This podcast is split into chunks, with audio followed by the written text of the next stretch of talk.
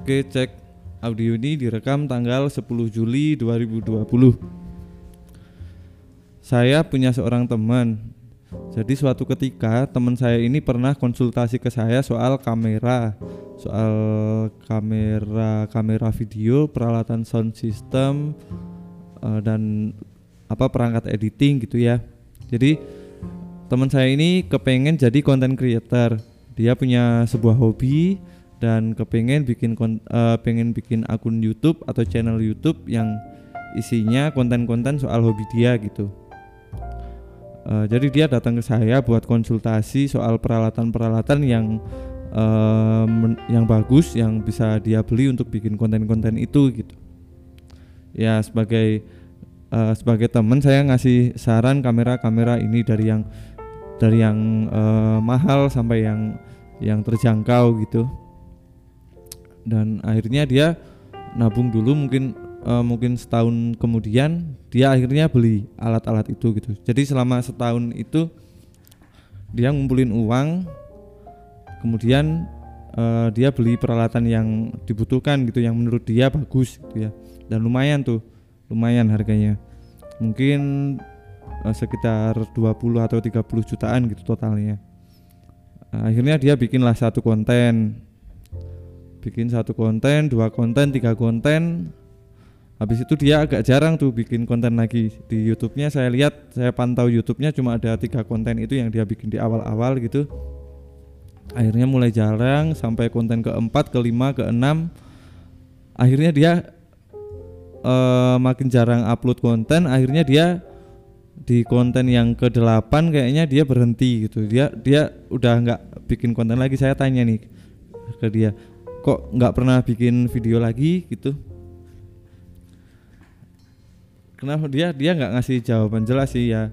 Dia bilang cuma belum sempat gitu. Tapi menurut saya mungkin eh saya saya kira itu cuma apa ya? Kayaknya dia merasa putus asa aja gitu mungkin ya.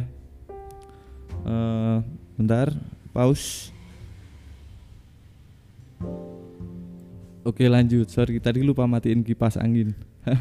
Moga-moga suara kipas anginnya nggak masuk ya.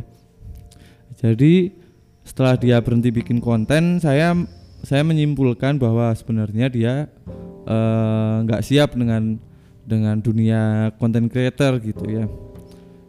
Jadi eh, menurut saya malah jadi mubazir itu peralatan yang dia dia beli udah dia nabung satu tahun dia udah kehilangan waktu satu tahun gitu Eh, dari kisah ini mungkin kita bisa ambil pelajaran bahwa eh, ketika kita ingin membuat konten biasanya kita justru eh, memikirkan peralatan-peralatan dan te- teknis-teknis dulu gitu daripada kita pikirkan soal konten-konten yang akan kita bikin gitu. Eh, kalau saya sering nyebutnya kalau nggak puber konten, seniman puber atau seniman gadget. Jadi sebenarnya konten-konten creator seperti ini lebih senang mengkoleksi eh, peralatan untuk bikin konten daripada bikin konten itu sendiri. Buktinya dia bisa semangat untuk nabung beli kamera, beli sound dan sebagainya daripada eh, memperjuangkan konten-konten yang awalnya ingin dia bikin. Jadi apa sih karya itu? Eh, dalam berkarya sebenarnya saya membagi karya itu menjadi kulit dan isinya. Eh, secara teknis, teknis bikin konten, eh, hal-hal yang bersifat teknis seperti skill skill videografi, skill sinematografi, peralatannya, eh, aksesorisnya itu hanya sekedar kulit gitu. Yang lebih penting lagi dari kulit adalah isinya.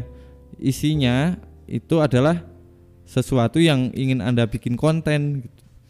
Jadi Anda kan punya kamera nih. Kamera ini pasti eh, ingin Anda gunakan untuk ngambil sesuatu kan. Misalnya di teman saya tadi dia pengen bikin konten yang berkaitan dengan hobinya gitu. Misal dia hobi mancing gitu. Berarti kan kontennya ini kan mancing kan.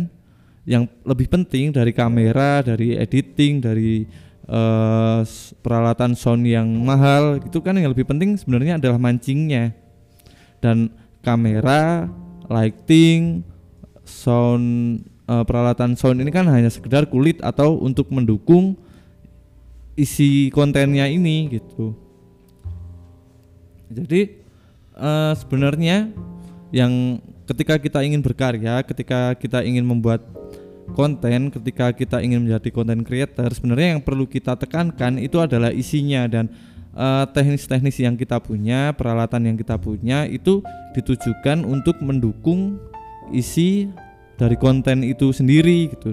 Makna dari konten itu sendiri gitu. Jadi nggak serta merta kita punya peralatan yang bagus, kita punya kamera yang mahal, kita punya skill yang mumpuni dalam fotografi, dalam videografi, dalam sinematografi, nggak serta merta membuat konten kita menjadi sebuah konten yang bagus gitu. Uh, jadi alat dalam membuat konten atau dalam uh, dalam hal ini uh, sebagai konten creator, alat itu penting tapi bukan yang paling penting. Yang paling penting adalah isi kontennya itu sendiri. Jadi jangan sampai alat malah membuat kamu terhalangi dalam berkarya.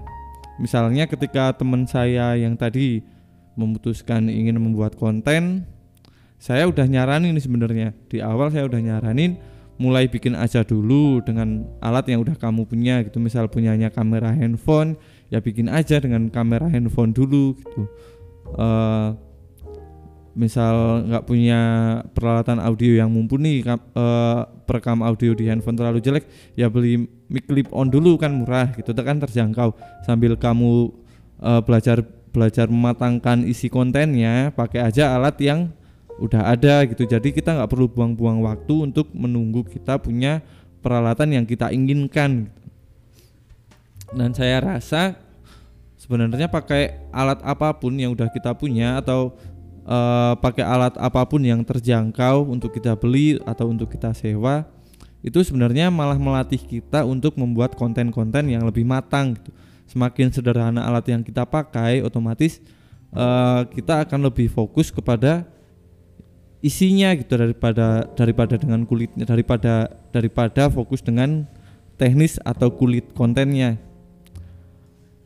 uh, saya selalu pakai contoh itu YouTube-nya Soleh Solihun atau Panji Pragiwaksono gitu ya. Mereka kan youtuber yang terkenal hanya membuat konten-konten dengan alat yang sangat sederhana gitu. Mereka cuma pakai handphone uh, pak editing juga cuma pakai apa iMovie di di handphone gitu. Mereka nggak bawa kru banyak mereka cuma pakai handphone yang dipegang sendiri atau ditaruh tripod. Tapi uh, mereka membuktikan bahwa konten-konten mereka secara isi nggak kehilangan isinya tetap bisa kita uh, nikmati secara penuh gitu. Uh, jadi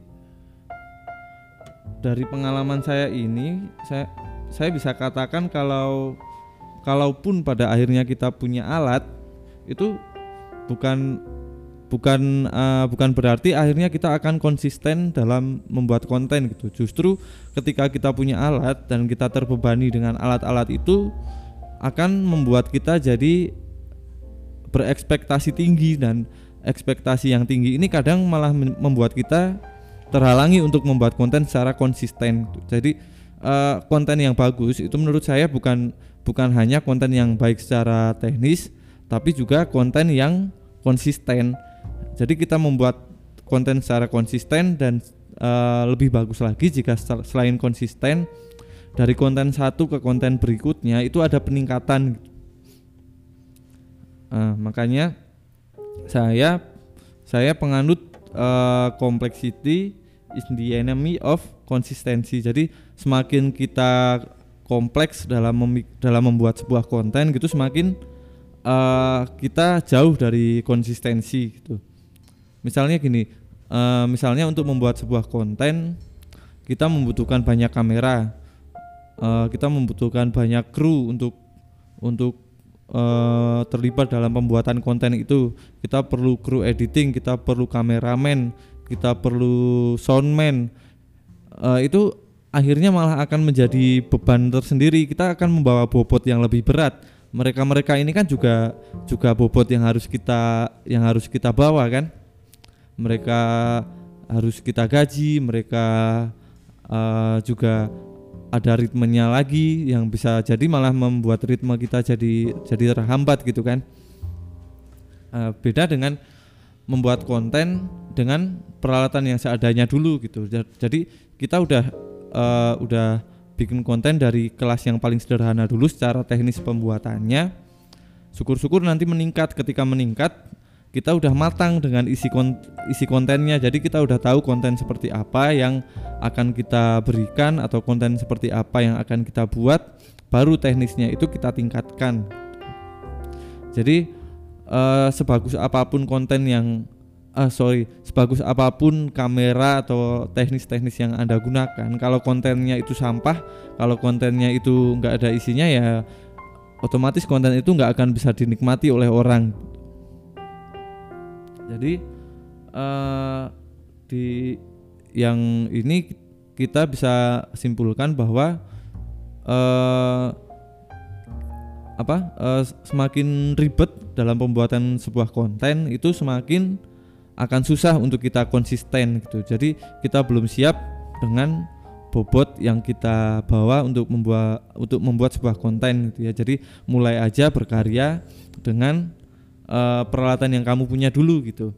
Jadi saya rencananya biar nggak cuma ngomong doang kayak gini, rencananya saya besok mau bikin uh, mau bikin sebuah video YouTube soal membuat karya dengan alat yang sangat sederhana gitu. Jadi jadi uh, jadi alat tuh gini alat emang sangat dibutuhkan ya untuk membuat karya tanpa alat kita nggak akan bisa bikin karya gitu emang kita bisa kita pengen bikin video nih tapi kita sama sekali nggak punya device yang bisa merekam gambar ya otomatis videonya nggak akan pernah bisa ter, terbuat nggak akan pernah bisa terwujud gitu ya. Tapi uh, alat itu kan ada ada ada tingkatannya gitu ya dari yang sangat sederhana sederhana sampai yang paling paling bagus gitu.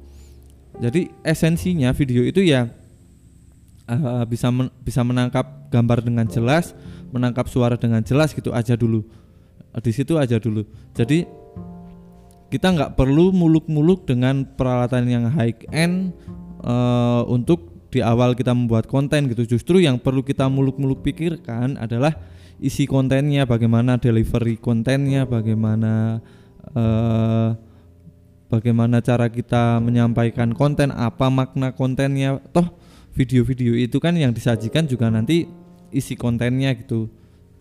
Jadi saya kemarin uh, balik lagi, jadi saya kemarin udah cari kamera bekas yang menurut saya sangat murah, harganya cuma 100.000 dan menurut saya uh, itu udah sangat mumpuni untuk membuat karya-karya fotografi. Gitu. Jadi besok saya rencananya akan membuat uh, sebuah konten YouTube, sebuah video di mana saya membuktikan bahwa dengan kamera yang hanya 100.000 itu kita udah bisa menghasilkan karya yang layak untuk kita banggakan yang apa ya yang bisa menyampaikan uh, makna atau isi dari konten itu. Jadi saya kepengennya membuktikan aja bahwa omongan saya ini nggak cuma omong kosong doang gitu. Uh, moga-moga nanti video yang saya buat bisa menginspirasi banyak orang dan semoga juga bermanfaat gitu ya. Uh, jadi mari kita simpulkan lagi bahwa karya itu saya bagi menjadi dua kulit dan isi. Yang terpenting dari sebuah karya adalah isinya yaitu kontennya itu sendiri, ide-idenya itu sendiri, kreativitasnya itu sendiri. Kulit itu hanyalah alat pengemas, alat pendukung. Tanpa isi yang bagus, kulit nggak akan ada artinya. Mau video kamu sejernih apa pun, mau suara kamu sebagus apa pun, kalau isinya sampah, ya orang nggak akan bisa menikmati, nggak akan bisa jelas apa isi dari kontenmu itu. Nggak akan bisa ada maknanya kontenmu bagi orang-orang lain gitu. Oke sepertinya cukup sekian aja. Uh, terima kasih udah dengerin yang lembur semoga masih semangat